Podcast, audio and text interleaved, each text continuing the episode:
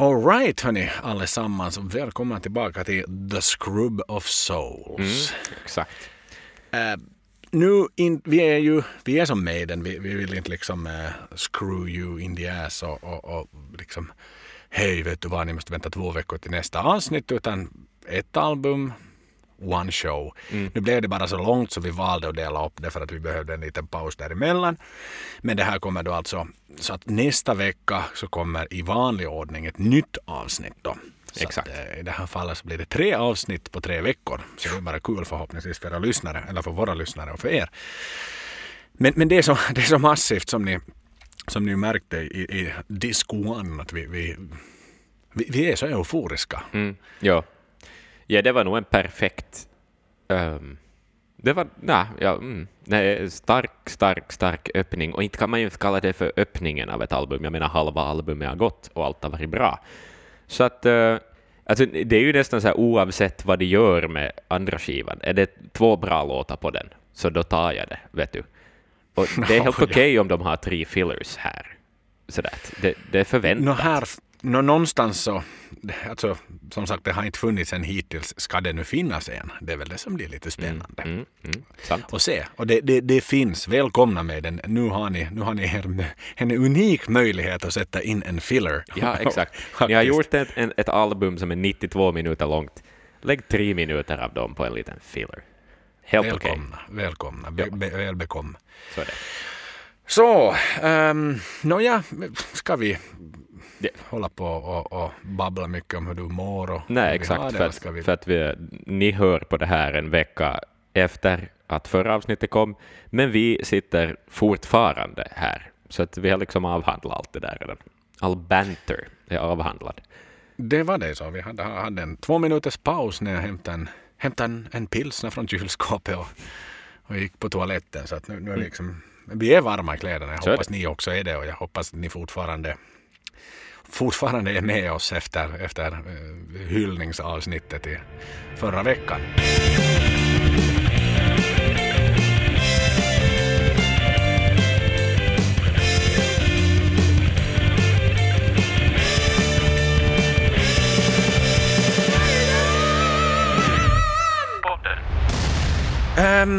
Ja, vi, dy, vi dyker in i det. Um, Vi dyker in. Death or Glory, skriven av Adrian och Bruce. Klockar in på 5 och 13. Reflektioner på den Axel. Nå, det är ju som en, det är ju ett till öppningsspår, um, vilket en två CD-album ger möjlighet till. Och vet du, jag tycker nog att de värnar om, om den chansen riktigt, riktigt bra. Um, det är en flygplanslåt, ska sägas. Den är röjig, den är rivig, den är pigg och glad. Det är en, en sån här modellöppningslåt som eh, dit jag skulle sätta då Aces High och, och så vidare. En sån här snabbdänga. Mm. Ja, men definitivt, det är ju Aces High 2.0. Ja. Ja. Kanske inte, inte så här 2.0 i form av att den är en uppdaterad, mycket, mycket, mycket bättre variant. Men det är fortfarande en jättebra, snabb, uptempo flygplanslåt. Exakt. det låter alltid så gulligt när man säger det. Ja, men det låter underbart. Och, Ja. och, och, och låten handlade ju om, um, om The Red Baron, det vill säga von Richthofen. Som då han själv har sagt att hans Fokker DR1 could climb like a monkey and maneuver like a devil. Vilket ju är det som Bruce sjunger om. Och Precis. eh, som jag var inne på förra veckan så är det min låt när flygplanet far iväg och jag sitter på ett plan. Då kommer den alltid på. Så de har ju lyckats. De ville skriva en flygplanslåt. De fick någon som lyssnade på den i ett flygplan. Ett fan. Så att Så är det. Och det, den har liksom- hittat sin plats. Jättecatchy liksom. Jag menar, den, den drar igång, öser igång direkt och jag tycker om det här liksom Nikos komp också. Den här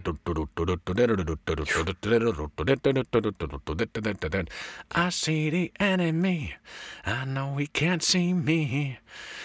Och, och, och den är ju jätte liksom, refrängen är jättesnärtig och och- hela det där som, som byggdes in just det där med Climb Like a Monkey som ju blev en grej live. Yes, det fanns en, en liten koreografi till helt enkelt. Det blev det och, och folk liksom klädde ju ut sig. Eller började ju liksom riktigt. Han hade ju hela publiken där framme och climb like a monkey till slut. Så det är ju liksom, eh, det är kul när liksom, det var inget som var planerat i studion så här. Nej, nej, nej. Nu ska Bruce då liksom luftklättra. Precis. Som alla, alla hänger med. och alla hänger med och gör det. Men det är, det, det, det, det som är så dåliga kul.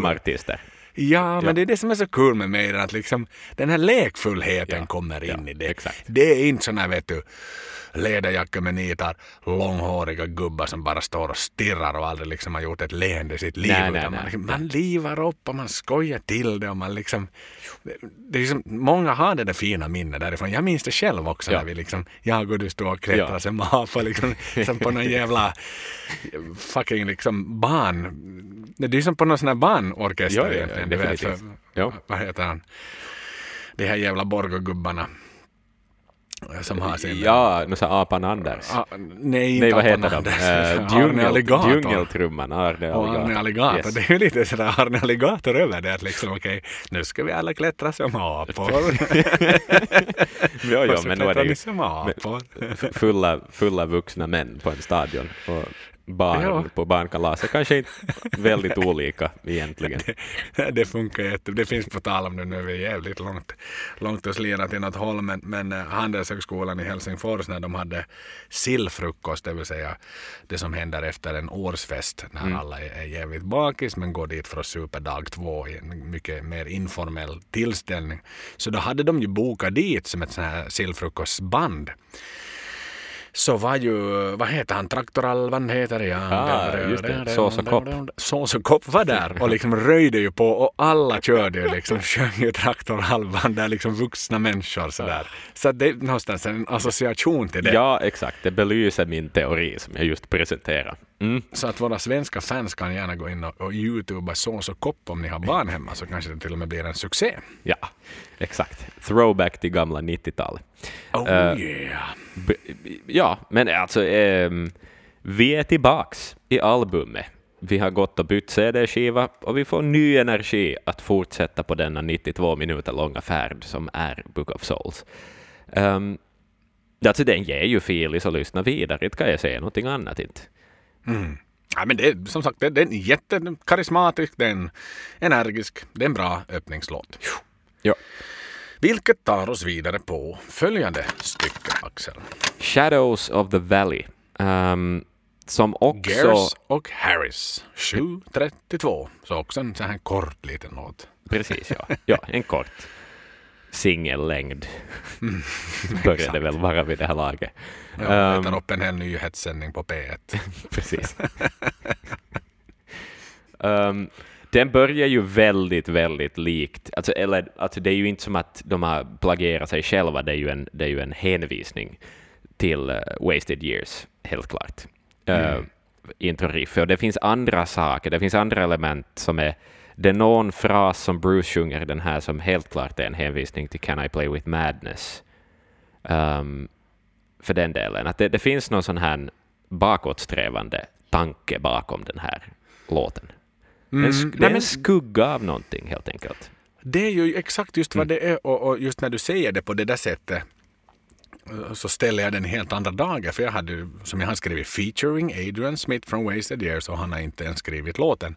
Mm. Men att inte det är ju så här att mm, mm, okej alla var satt och så klia sig i skallen. Det låter jävligt bekant det där för men jag kan inte riktigt placera det och alla var så, ja, kan det vara något Saxon har skrivit någon gång eller vem fan skulle det vara Damocles kanske då från på sina första EPR. Så, vagt familjärt men jag kan inte mm, riktigt sätta tungan på vad det bränner. nej, Så att eh, de har ju inte plagierat sig själva. nej, nej. Eh, Så och om de har gjort det så har de intressant. gjort det helt medvetet. Visst är det så, men det är en Ja. int- jätteintressant. Jag, har- jag tänkte inte på det på det där sättet heller som du satte på. Mm. Att det är lite can I play with madness? Eller, Precis. can I, eller som min kompis sa, can I pay with madness? Den maträtt som man äter i bussen efter en konsert. Ja. Ehm, ja, men, jag, och jag tycker att den, det är lite av en album filler, men den är inte dålig för det. Nej, nej, nej, nej, nej, definitivt inte. Alltså jag väntar ju på album fillers nu. Och alltså åt det hållet då man kontrasterade mot det vi redan har hört. Så ja, men det är ju också en låt med jättestarka melodier. och, och liksom en, en pigg och, och högljudd Bruce. Att det, det, det, finns ju, det är ju ingen liksom brist på entusiasm i den här heller. Nej, inte alls, inte alls. Han sjunger också intro där också. Sjunger på... Det, det, han är väldigt, alltså de är ju engagerade. Ja, ja, väldigt ja, engagerade. Allt som produceras, allt som bandas, allt som skrivs. Så är det. Återigen nu för att liksom dra en association från från förra veckans Disco One och, och gå tillbaka som vi har diskuterat tidigare med Somewhere in Time att det kanske inte fanns det här hundraprocentiga engagemanget från Bruce Mm. som vi, vi tyckte oss höra på Somewhere Precis. in Time. Men, men här är det ju liksom inte det är ju någon som står och så här kliar sig i naveln och har lite tråkigt och är sådär jaha, vad är det här nu då? Utan det är ju som, vad fan, vi, vi smider och vi fortsätter men det järnet är varmt. Ja, ja, ja, definitivt. Liksom de, har hittat, de har hittat bra råvaror och de, de klämmer ut en pizza till, vet du. Visst gör de det. Och en god pizza till i ugnen faktiskt. Det är liksom, Exakt. Ja. de, de är, Så är det. Och jag, för att vara helt ärlig så tycker jag att det här är en av skivans starkaste refränger för den delen. Okej, den, den, det finns mycket, väldigt många starka refränger. Men, men det är någonting med, med Bruce, det är då han glider upp till, till en väldigt hög ton. kan Um, du sjunga för oss Axel? Hur går melodin nu? Da, da, da, da, da, och sen glider han upp till... Fast förstås i ett betydligt högre tonläge. Och det, ja, exakt. Och det, den är också sådär... Det är också en melodi som får ta plats. Liksom. Att det, är, inte- det är inte så mycket riffande bara extra grejer i, som gitarrer och basar och sådär gör, utan den är, melodin får, får bära. Och, och det, men, alltså, om, vi måste ju komma in på album fillers någonstans på det här, på det här mästerverket. Ehm, och vi närmar oss här, det kan jag hålla med om. Ehm, men allt handlar väl om kontext, liksom. Att det här skulle säkert kunna vara en, det skulle kunna vara en lysande låt på Final Frontier. Liksom. Det skulle ha varit en av de bättre låtarna på den skivan. Om, om vi det tänker kontext. Liksom. Ja, men det tror jag också. Det tror jag också att den är, det, är, det är en bra låt och det här var, jag var inne på, på förra, förra veckans avsnitt var jag inne på det här med att vi eh, då, eh, vad fan hette låten då? Tappade jag namnet på den. When the river run deep. Yes. Det var liksom en av de här anonyma eftersom den inte spelades live. Samma gäller liksom för den här att jag har Mm. inte liksom sådär innan vet du, dränkt mig i den. Jag har inte liksom tagit den i badkaret, lagt mig ner och hoppas att jag aldrig vaknar mera i den här låten. Nej. Utan, men nu har jag lyssnat på den väldigt mycket och jag, jag drunknade inte utan jag, jag simmade. Det var liksom en, jag simmade i skuggorna av dalen. Precis, det, var, precis. det är en bra låt faktiskt. Och, som sagt, den, den håller måtten. Den, det går inte att jämföra med de här, eller visst går den att jämföra med, allt går att jämföra med allt. Mm. Men, men, men den kommer väl inte liksom upp till ytan som en topp två på den här skivan. Nej, men det, nej, det är fortfarande en jättestark stark låt. En Definitivt. definitivt. Låt. Ja. Men lite anonym i min värld i alla fall. Det vill jag ändå liksom understryka. Ja, ja det, det ger jag åt den också. Det, det kan jag hålla med om. Så att eh, det är väl det jag har att säga om Shadow of the Valley. Ja, ja jag tycker vi, vi hoppar vidare. Ehm, och vi hoppar vidare till Tears of a Clown. Av Adrian och Steve. De har haft mycket collaborations på den här skivan. Det har de. Ehm, det har de. Och, och det här är också en sån där låt där det märks. För att de är ju nog... De är ju hitmakarna, liksom att de är ju Lennon McCartney liksom, på något plan. Ehm, det är en, en väldigt, väldigt väl välsvarvad, memorabel låt. Och den är ju som, den är ju i den poppigare hörnan av materialet på den här skivan, där det finns mycket episkt och, och berättande. Men det här är ju liksom en, det här är ju någonstans en radiolåt. Ja, ja, jättemycket. Halvakustisk och...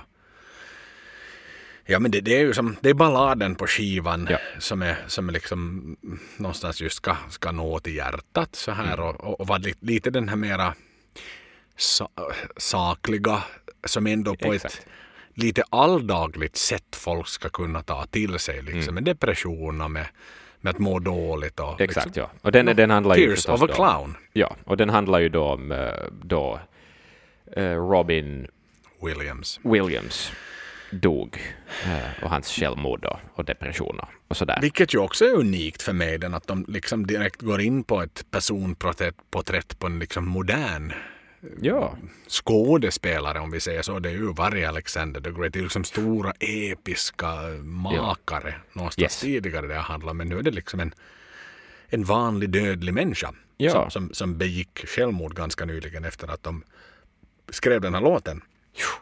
ja, exakt. Och det, det är otippat. Det är jätteotippat.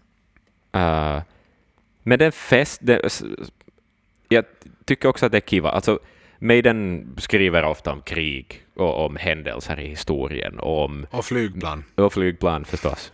Eh, ofta i kombination med händelser i historien i och för sig.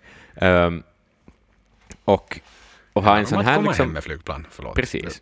Ja, Fuckar jag upp din det, story det, här. det stämmer. Men, men att ha en låt om någonting som var aktuellt där och då eh, tycker jag också sätter den här skivan i en liksom i en populär kulturell kontext på ett annat sätt. Alltså den, den, den var gjord, den kom då 2015, för det här, det här var någonting som hade hänt då. Liksom att det är en, en rak kommentar på någonting som har hänt, det är fräscht för att vara med i den. Alltså verkligen. Och, och liksom tema är relevant och, och det är någonting som folk pratar om allt mer och mer nu också, så mental hälsa och ohälsa och, och, och liksom sådär. Det, det är bra, det, det finns liksom ett samhällsansvar på något vis i den här låten. Ja, men jag tycker det är modigt av mig att de tar upp och gör en sån här låt. Jag tycker det. Och, och, och som sagt, texten är, den är jättebra text i den här. Liksom väldigt liksom träffar hjärtat på ett, på ett fint sätt och man reflekterar och när man vet också vem den handlar om och vad innebörden och syftet är med låten. Det handlar liksom inte om någon clown någonstans i någon medieval castle i England för liksom hur många Precis. hundra år sedan som är Hovnarret. Hovnarren. Utan det, det handlar liksom om en komiker som egentligen innerst inne är deprimerad, som utåt alltid ska visa sig rolig, men vad är det egentligen som händer och kunde vi förändra det? Nej, det vet vi inte. I guess we would never know. Och, Exakt. och hela den biten att det är liksom det, det är en väldigt allvarlig underton en väldigt bra låt. Jag, Ja, ty, jag ja. tycker väldigt mycket om den här. Jag tycker att den är och den drar igång på ett så jäkla skönt sätt, liksom hela introlåten. Det där. Ja.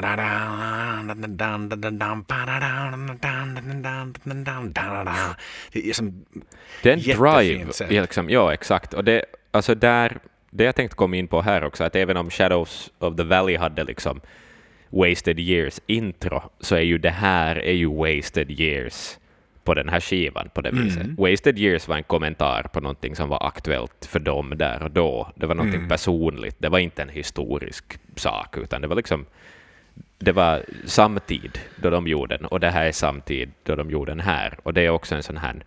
Den sticker ut i sin poppighet precis som Wasted Years gjorde på eh, somewhere, somewhere in Time och, och sådär. Att, den, så är det ju. att man även om liksom den då- sticker ut så har de visat att det går att göra förr också. Liksom. Ja, t- 30 år senare är det liksom väl dags kanske att göra en, en Wasted Years-aktig låt som, som är lite samtid. Visste du annars att Adrian, Adrian liknade ju World Slavery Tour då, resultatet av Wasted Years, med att vara incarcerated, det vill säga att sitta i fängelse. Mm, Han har ju gjort det i intervjuer. just det. Så att det är kanske inte så där liksom smickrande som rockstjärna att säga att det är ungefär som jag skulle suttit inne ett och ett halvt år. Ganska sådär magstark kommentar. egentligen. Det är det. Det är det definitivt. Ehm, Robin Williams. Mm. En, Ja. ehm, vilken är din favoritfilm med Robin Williams för övrigt? Um, jag har jättesvårt att välja, men den som jag kanske har starkast på något vis relation till så är väl eh, förstås hans roll som den här så kallade modersmålsläraren då i, i Döda poeters sällskap. Um, så där, Det är ju en sån där inspirerande. Den är ju kanske inte så humoristisk. Han, han är ju lite mindre komiker där än vad han annars är.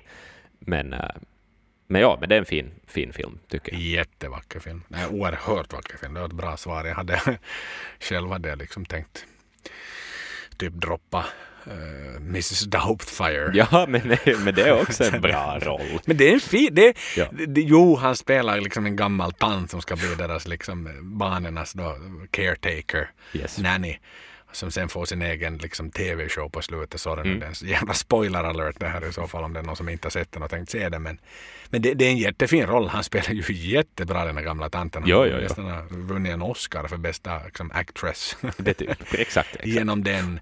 Men sen tar vi också till de lite mer seriösa så är den här Insomnia-filmen av eh, Christopher Nolan är det väl som har gjort den. Det vill säga som en remake på Stellan Skarsgård-filmen från norra Norge med, med Mm. Al Pacino och eh, han spelar en mördare där faktiskt. Precis. Och sen också en okänd film, One Hour Photo, där han spelar Ja, oj, den är bra. Den är bra. Där, liksom, där är han ett som psyk, en, liksom, ja exakt, någon sorts... Han lever in sig i andra människors bilder. Mm. Och tror att han är en del av deras liksom, lyckliga minne och familj och allting. Ja, det, det, det är här riktigt creepy film. Det, det är en bra jättebra. psykologisk thriller då det är liksom som bäst. Ja, faktiskt. Ja, men han det var fint. Jag tycker fint, definitivt att det fanns en plats för att snacka lite Robin Williams här. Eh, Så är det ju. Ja. Är ganska unikt liksom, i sitt slag. Han var ju en, en, en jättestor stjärna och, och valde liksom att, att ta, sitt, ta sitt liv helt enkelt. Mm. Och det är ju alltid tragiskt när en, när en duktig människa lämnar jordelivet på tok för tidigt. Ja, exakt. Så är det. Så att eh, vi kör en liten hair hair här till, till eh, Robin Williams. Det gör vi. Då Vi- har vi väl två, två, stycken, två stycken låtar kvar på, på albumet The Book of Souls. Näst sist på skivan ehm, har vi då Man of Sorrows. Um, klockar in på 6.28, det är ingen kort låt det heller, men den hör ändå till... Alltså ja, nå nästan bland de kortare på skivan alltså. Det är nog ändå otroligt. Fan jag älskar Maiden på grund av det här. Ja. Det är ju det här som gör. Det är liksom... Men som, som jag vi var inne på i förra, det, det är lätt också här med att tank, vi skiter i vad det står för tid. Mm. Vi bara kör på här. Vi behöver Ja. inte liksom kapta fram kapsågen och plocka bort några delar. Utan, men att, att just när du sa att 628 är en av de kortaste låtarna på skivan. Det är som ta ett modern artist idag. 68, i helvete du är helt jävla galen. Jo, jo, jo, ingen exakt. producent skulle liksom springa iväg. Vad fan, här har du ingenting hos oss att göra. Nej. Sök dig till någon jävla indie-krog och spela på någon jävla... Du kan sitta på torget och spela med din gitarr om du ska ha sådana låtar. Så är det, så är det. Sen, vi, vi har ju talat om album fillers, de kommer att komma i något skede. Och i min bok så är den här den. Ja, det här, ja, oh ja, definitivt. Det här är den, den tredje av de anonyma låtarna och det här är den mest definitiva albumfillers faktiskt. Ja, här, är- det finns... Det finns, alltså, ja, jag fattar att man vill, man kanske inte vill, har man en gång valt att göra en, en dubbel-CD-album så vill man väl fylla ut den andra också, men det här är en sån där låt som jag skulle nästan kunna överväga att plocka bort från skivan. Uh, sådär, att, att det skulle inte göra jättemycket. Uh, den är lite sådär, den är lite semislarvig ibland på sina håll. Lite, I jämförelse med allt det andra så känns den lite fantasilös Mm. ibland. Um, I hur den är skriven och i, i sina riff och liksom sådär. Och på Ja. ett lite ledsamt sätt är det här ju det, här ju det enda bidraget Dave har i, Mm. i låtskriveriet. Att det nu råkar vara ett sånt här stolpskott som han, han kom in med. Det är ju Dave och Harris som har, som har skrivit låten. Så det är lite tråkigt för hans del att Mm. det nu kanske inte blev en sån här liksom royalties i hans ficka-låt. Nej. Jag skrev så här. Och det, det må låta brutalt men, men så här står det i alla fall i mina anteckningar. Mm. En Kina-kopia på Bruce väldigt mycket bättre sololåt. Just det. Så var det. Var det så att den var skriven på något vis? Uh, nej, jag blandar. Det var, det var någon av de tidigare låtarna, det har vi väl inte, inte ens nämnt, men var inte så att If Eternity Should Fail på något vis baserar sig på någonting som Bruce ursprungligen hade skrivit till sin solokarriär? Mhm. Ja, det där är mer trevligt än vad jag har koll på faktiskt. Ja, ja jag tycker jag har läst, läst något sånt. Men ja, men ja, ja jag håller Men med. återigen, det är lite så, alltså, vad jag säger, går tillbaka till Shadow of the Valley. Okej, du har Mm. Wasted Years och sen har du då The Man of Sorrows. Det är ett Mm. ganska vedertaget begrepp kanske. Ja, Men att Bruce ändå har gjort en låt som heter Man of Sorrows som är väldigt bra. Mm. Det är ju liksom en av hans riktigt starka ballader som är Ja. seriöst bra. Som, som människor som jag känner långt utanför liksom metallsfären uppskattar. De tycker att det är en förbannat bra låt som sjungs från hjärta. Mm. Då ska Bruce gå in i, i studion igen 20 år senare och sjunga en som heter The Man of Sorrows. Och som inte alls lever upp till den standarden som han hade Nej. på sina soloskivor. nej, Nej, Alltså det är ju som, ja, ja, exakt, jag har på den lite här i, i lurarna i bakgrunden. För jag måste faktiskt ju påminna mig själv om hur det lät. Men ja, men den, den är lite sådär, den är lite platt. Den är, Mm. Det är den. Eh, Men är helt okej. du. Helt okej, men det här var kanske första gången vi riktigt på allvar plockar fram den lilla hyveln som vi ändå har liggande Ja. på våra skrivbord bredvid, bredvid mikrofonerna. Att... Nej, jag, jag hävdar så här, den här hade inte ens varit bra på Final Frontier. Nej, nej, nej, det hade den inte varit. Det har, ja, Och jag, jag vill verkligen nu poängtera och understryka att det du sa tidigare, den här hade inte behövt vara med på skivan. Jag, Mm. jag, jag, jag går med dig i kön där och håller med om det. ja, ja. Ehm, 92 minuter skulle ha kunnat vara 85 och en halv då, typ. Och fortfarande var det den längsta skivan. Exakt, precis. Så att, eh, ja. Ehm, mm. Nej, det här är lågvattenmärket på albumet. Ja. Det, det är nog bara att, bara att vi får leva med det och jag tror inte att det är så många som kommer i kommentarerna liksom att så här äta upp oss och mörda oss på grund av det heller. Nej, nej, nej, definitivt. Om det är någon som har den som favoritspår där ute, så förklara varför eh, och låt oss veta om det. Yes. Precis. Vi har en låt nummer fem på CD2. Vet, Yes. du vad den, vet du vad den heter Axel? Jag vet vad den heter. Den heter Empire of the Clouds. Vet du vem Ehm. som har skrivit den? Den har Bruce skrivit. Och vet du hur lång den är?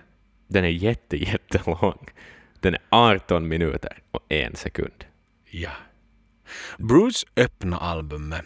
Bruce stäng, eller Bruce öppnar boken. Bruce stänger boken. Så är det. Så är det. Mm. Det, här är, det här är mycket musik i en låt. Ehm, Bruce spelar piano. Uh, någonting som jag förstod att var lite en utmaning då man spelade in den här skivan i och med att de um, spelar in allting live för det mesta. Jag tror inte de har använt väldigt mycket klick eh, och sådär på den här skivan. Och jag har förstått att det var lite sådär att Bruce ledde och de andra fick följa och sådär. Um, Bruce är ju inte han är ju inte en eh, utbildad konsertpianist heller, även om man kan skriva bra melodier och helt klart spela piano. Men men liksom, Men det är med en hand han spelar va? ja, det låter ganska långt så. Mm. Du är ändå Det- syntare så där liksom vill jag komma Ja, lite men in till din Jag ska analysera lite. Vänta, vänta. Han har nog ackorden i en hand och melodin i andra. Det har han Okej. nog definitivt. Mm. Så det är nog båda händerna på tangentbordet. Det är ju ändå liksom Ja. sådär. Han har kommit förbi grundkurs ett. jo. jo. Det var har- väl ett gammalt, en gammal synt han vann, vill jag minnas, Aha, i någon sån här raffle som han hade hemma. okej. Som han började liksom klinka på, på Empire of the Clouds på. Just det. Så det var liksom därifrån hela idén kom till. För som sagt, det här är ju första och kanske enda Maiden-låten som har piano. Mm. Det Definitivt. finns inte Ja. en enda låt som har det. Jo, jo, jo. Och det är ju liksom... Ja. ehm, Bruce har nog fått leva ut sin storytelling-fantasi i den här låten alltså. Mm. Han, eh, han är in på, för sin del, helig mark. Han är, in i, han är uppe i luften helt enkelt Det är han på ju. tema, tema på låten. Ehm, han väljer en, en historisk krasch och en historisk olycka med väl världens största luftskepp och dess undergång. Ehm, På den tiden var det ju det. The R101. Precis. Det var då britternas försök att eh, hitta ett så här civilt liksom, eh, flygfarkost helt enkelt som skulle vara kapabelt att ta long distance routes inom det brittiska eh, imperiet. Mm. Helt enkelt och liksom kunna mm, helt enkelt transportera stora mängder människor på ett mycket snabbare sätt än, än med, med båt och, och, och järnväg. Mm. Så hon var ju då den första, första som byggdes. Och, Och- jag tror han sjunger att eh, den, han sjunger till och med i texten att den var så stor att man skulle kunna få Titanic att rymmas inuti den. Exakt ja. Mm. Exakt ja. Vilket inte ska förväxlas med Hindenburg som ju var en annan, annan luftfarkost som kraschade i New Jersey tror jag det var. Som var Exakt. ännu större tror jag faktiskt att den var. Men det var ju på den tiden när man liksom skulle erövra luftrummen med, med zeppelinare helt enkelt. Och, ja, det var före, före flygplanen på det viset. Um, på 30-tal var det här kanske. Det som jag ändå kan tycka om med den här, nu är man ju, det är länge sedan som Maiden har varit inne i den här historieboksföreläsningen. Mm, mm. Att Ja, nu är alltså det, det var lite- ju med Alexander the Great. var väl den Förstås. sista riktiga Exakt. liksom ungar. Nu ska vi undervisa er om. Jag visste inte vad The R101 var innan, men nu vet jag ju förstås väldigt Ja. mycket mera för, för vad Bruce har skrivit och sen föranledde det ju att man satt och läste på lite för att verka kultiverad och, och liksom, ja men det är väl klart jag vet vem vad The R101 var. Ja, Precis, exakt. det- Ja, ja. Det vet väl alla, det är ju en del av historien såklart. Mm.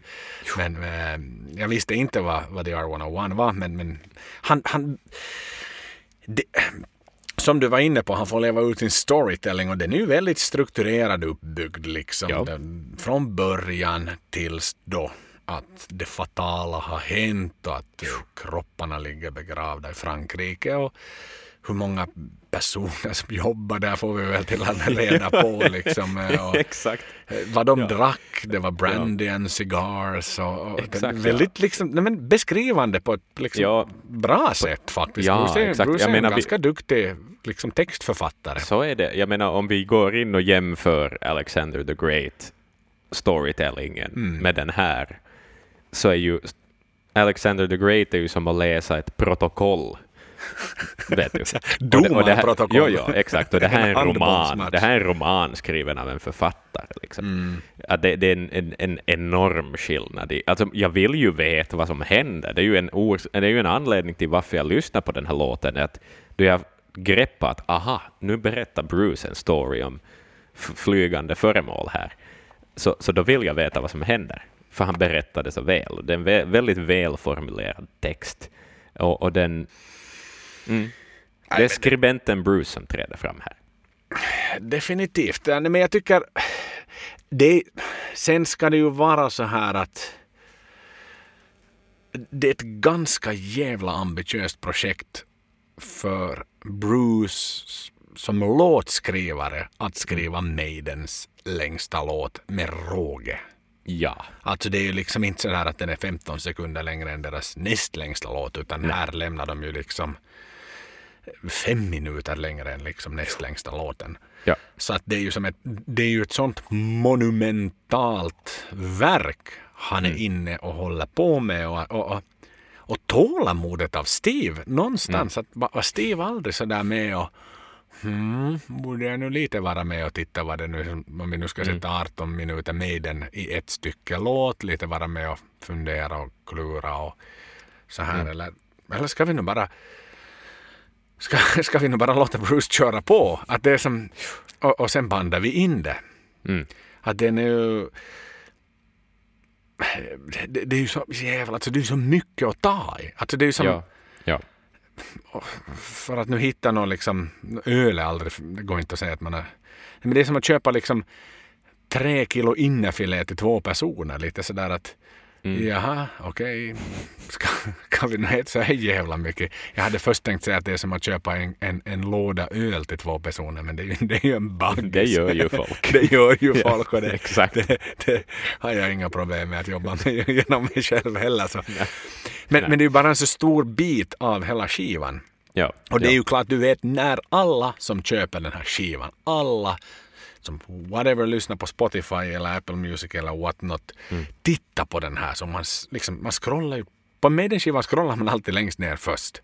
Ja. För att ta reda på okej, vilken är den monumentala bästen på den här skivan. Exakt, exakt. Och då har vi, oj, 18 minuter. Jag minns liksom mig själv också. Jag höll på jag satt ju i bilen, så jag kanske satt kaffe i halsen, men där höll jag väl på att köra av vägen ungefär. Jag hade ju väl fått reda på det innan, men det är ju verkligen sådär att what the fuck liksom. Mm. Börjar de gå in på någon sån här Dream Theater territories här, Exakt, eller exakt, ja. Symphony X territories och göra som sån här helt sensationellt sjukt långa låtar. Ja, ja.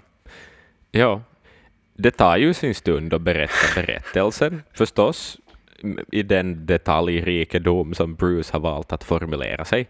Ehm, så att ja, det tar ju, äter ju upp, men det finns ju en, en stor del eh, liksom, instrumentala delar här också, förstås.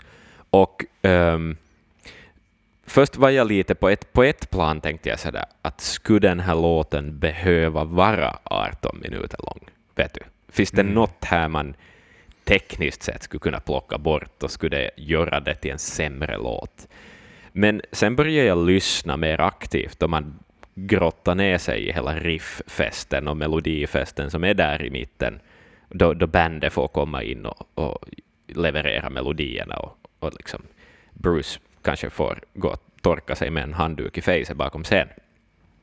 Så den musiken här, melodierna, arrangemangen, de berättar ju också storyn om vad som händer uppe i luften.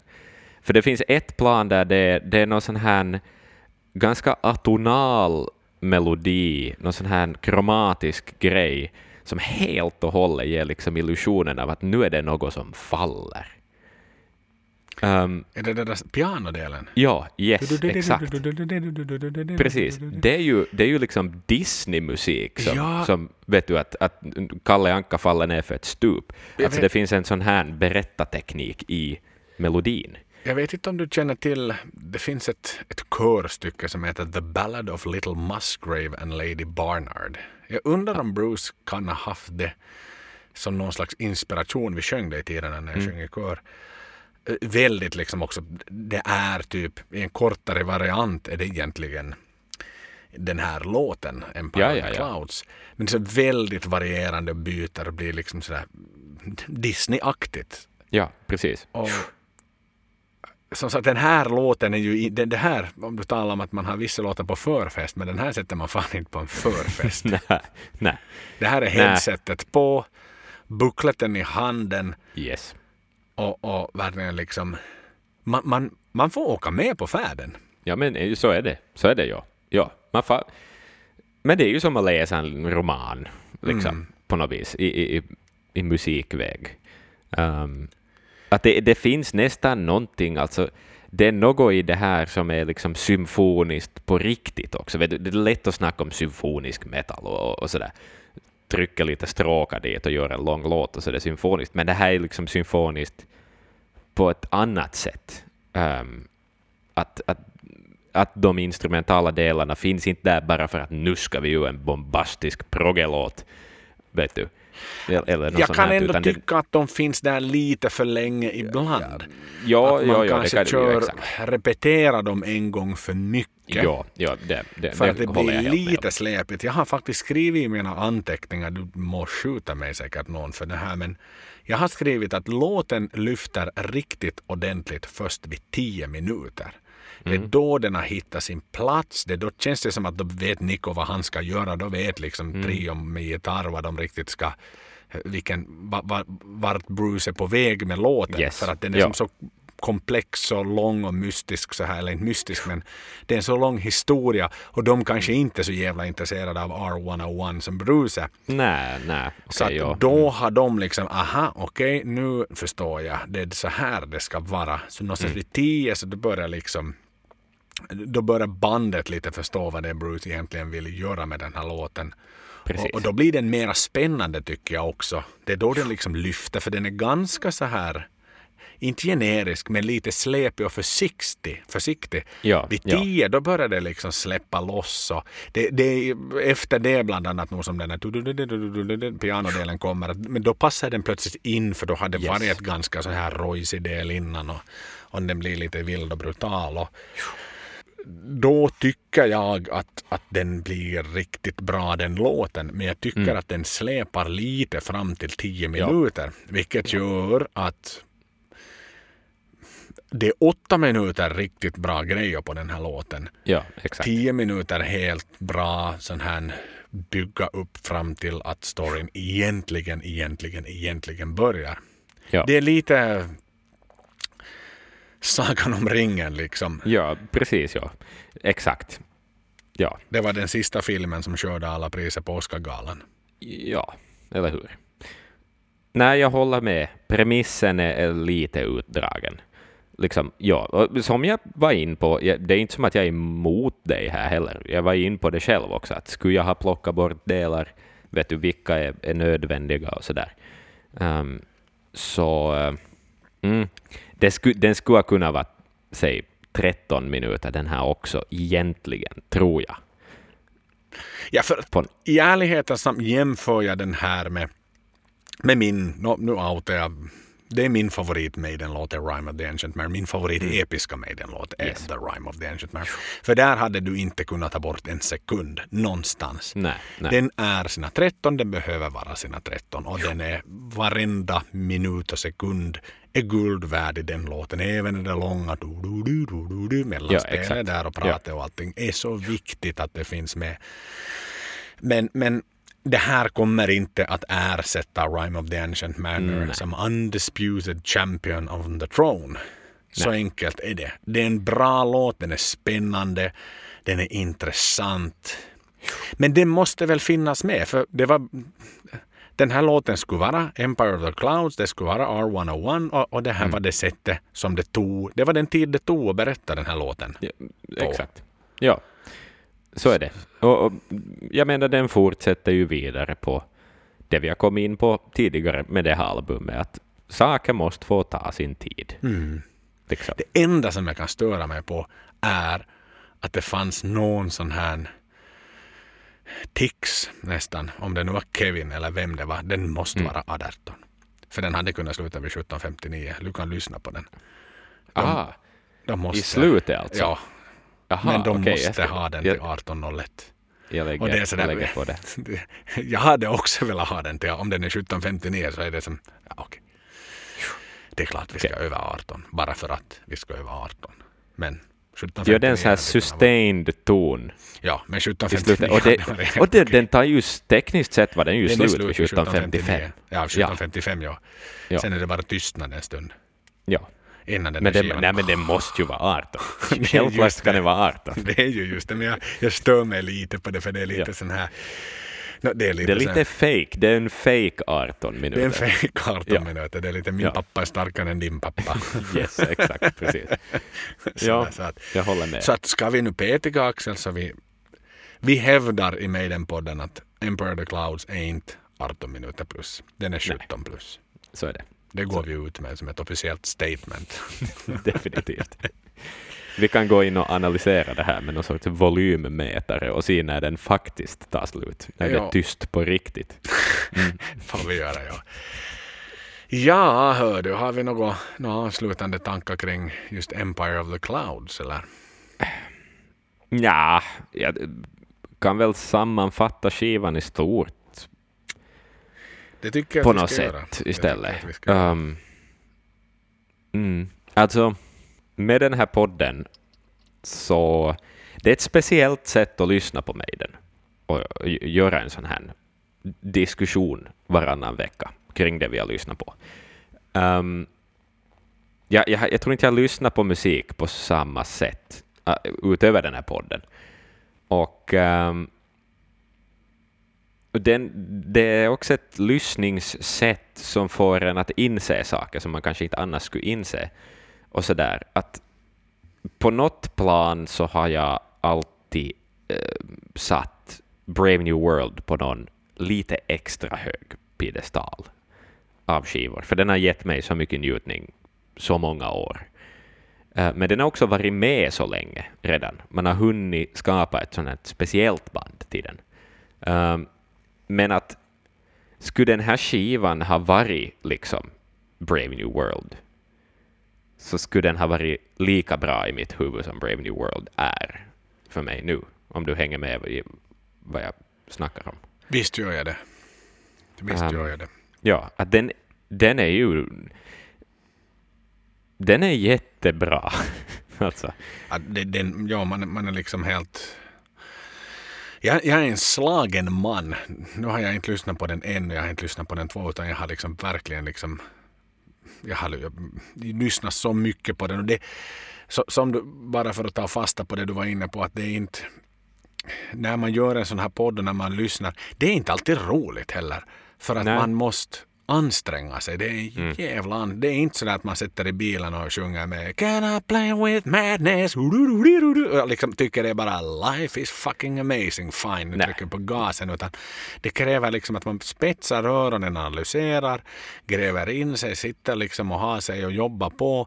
Går tillbaks till skivor som man har lyssnat för jättemycket på. Som det inte Mm. alls kanske så naturligt finns ett behov av att jag sitter och behöver göra nu. Det är jättegivande. exakt. Mm. Men, men den här skivan, även om jag var inne på och sa att den är känslomässigt ett väldigt starkt album för mig, som jag var inne på i, i, i föregående vecka. Men, men det här är ju liksom inte bara ett känslomässigt starkt album, utan det här är ju ett så oerhört fantastiskt bra album. Mm, Som jag inte riktigt kom underfund med innan nu. För Nej. jag har lyssnat, som, man lyssnar på ett annat sätt. Ja. Och- Och hela det här med att vi bara snackar om det också, och så där, man får lite feedback på, på sina betyg och sina tankar som man sätter på de här sakerna, så um, alltså jag, jag, jag får ju bekräftelse för att, att det var okej. Det är okej, Axel, att du tycker om den här skivan, den här nya Maiden-skivan så här mycket. Och, och det är inte bara liksom bara för att jag är ung, som vi kom in på tidigare. Um, sådär. Vi var inte med på 80-talet, alla borde fatta det vid det här laget, men vi har all rätt att tycka om Maiden lika mycket som någon som hittade Maiden på 80-talet. Det har vi. Det har Och det här är en ny skiva som vi har haft chans att, att få medan vi har levt på det viset. Och Det var vår liksom, ja, Power Slave någonstans. Exakt, Whatever, liksom. precis, det, det var en, den, den kom när jag kunde köpa den när den var ny och färsk. Om man följde med pressreleaserna innan och hela den balunsen. klassiker klassiker och vid det här laget börjar Brave New World definitivt vara en klassiker också. Ö, liksom. Men att bara liksom, musikinnehållet på den här skivan, så ja, jag placerar nog den bland mina fem favorit med den skivor. Nej, men jag, jag, Kanske till och med vildare än det, men det tänker jag inte sådär otänkt hoppa in på nu, men definitivt i topp fem. Ja, nej, men den, den liksom bara slog ju en som en käftsmäll någonstans. Mm, och det, det, det, det är så roligt. Jag var inne på det. Jag är så glad för Maidens skull att de faktiskt att de kunde, inte den comeback de gör, det är det absolut inte, Nej, men, men det är en comeback efter Final Frontier som ändå är en anonym Helt okej skiva sa vi ju också då när vi hade hårdlyssnat på Ja. den och började grotta in oss på den. Men, men den har inte samma spann som den här. Det är inte liksom samma Nej. bredd, det är inte samma seriositet. Nej. Det är inte samma liksom fullkomlighet som denna platta har. Den är liksom den är bara paketerad på ett, på ett så jävla bra sätt. Ja, Alltså det här ja. är en av de produkter som så här om man skulle titta på några jävla elektronikprodukter, liksom Mm. om man säger att okej, man hade en dator som kom 93 som var den mest kraftiga av alla på den tiden, liksom med hästlängder. Det här är en sån skiva, den liksom den, den finns med i historieböckerna. Fast Maiden Ja. skulle springa fram och göra tio album till så kommer det här vara en av de här, ja men du min 2015, det här var liksom en så stark skiva som vi väljer att lyfta fram som en av våra höjdpunkter på den här timelinen av Iron Maiden. Och Yes. det tror jag att de själva gör också. För Ja. den, den liksom bombastiska, nej men bara tittar vi till turnén, den var ju så oerhört bombastisk som de gjorde. Mm. Att där var ju också ett självförtroende de hade. Det var inte så där att Yes. de försöker gömma den här under mattan utan det var eh, 117 konserter som de gjorde. De började 24 februari i, i Sunrise, Florida med sin första konsert eh, och avslutade den 22 juli i Brooklyn 2017. De var liksom Yes. Nordamerika, Sydamerika, Nordamerika, Asien, Oceanien, Afrika, Europa, Nordamerika. De var liksom, de var överallt med den här och de hade sin 747 som Bruce hade fått typlicens för. Att det fanns ju ett, det var inte sådär att okej nu har vi gjort något sån här halvbra men nu behöver vi någonstans för att visa upp oss överallt utan det, det, det är klart att allt avspeglas i att okej hörni grabbar när, när de då den här 1755, förlåt, sista tonen dog ut Mm. Mm. Empire of the Clouds. Nu fan var de nöjda och skakade hand där efteråt när de gick Ja, sina ja, ja. olika vägar och Steve blev kvar och mixa. Exakt. Sanslöst bra skiva. Och de, det, sånt känner man ju på sig. Det är klart man känner på sig det. Ja. Ja. Det vet man. Man- Det visste Bruce, det visste de när de hade skrivit Number of the Beast och Hallowed Be Thy Name också på, på den tiden. Att det här är solid stuff. Och inte vet jag, alltså Maiden visar var skåpet ska stå. Och det är liksom, ja. Ja, Det- och det är så jävla roligt. Det är så jävla roligt att man får vara med in the making of history. Att Mm. allt inte hände 84 i Power Slave och allt inte hände när Nej. Number of the Beast kom ut. Utan att nu får man själv vara med om de här riktigt mastodonta episka ögonblicken. Jag är så glad för det, för jag var inte född, Mm. Ja, du var inte ja. född på den tiden. Nej, nej. Och nu får vi Ja. vara med och dela den historien med de här riktiga kolossarna som delas ut. Så är det ja. Det, det gör ju att jag blir plan med- delaktig på ett annat sätt. Exakt, för på något plan med, med till exempel Judas Priest, ta Judas, jag, jag gillar, jag älskar Judas Priest. Priest De är bra. Priest gam, är bra. gamla skivorna liksom. Men på, jag kommer alltid att vara exkluderad som ett fan med Priest. För att de har inte egentligen gjort musik för mig, de gjorde musik för de som var 20-åringar på 80-talet, igen, liksom på något plan. Men, men Maiden gör musik för mig också. Liksom jag är inkluderad som ett fan, det är på det viset. Um, jag är inte ett sämre fan för att jag inte var med på 80-talet Nej, med Maiden. nej, men så är det. Och som sagt, jag, jag, kan inte, jag är stolt. Jag är så stolt över Iron Maiden för den här skivan. Mm. Det, det, det är väl det jag kan säga. Nej, det lyckades, eh, lyckades jävligt bra. Um, Och det är så jävla roligt nu att liksom riktigt få i dur, Axel, gå i mål med ett sånt här avsnitt och få ja. liksom all fucking smiles.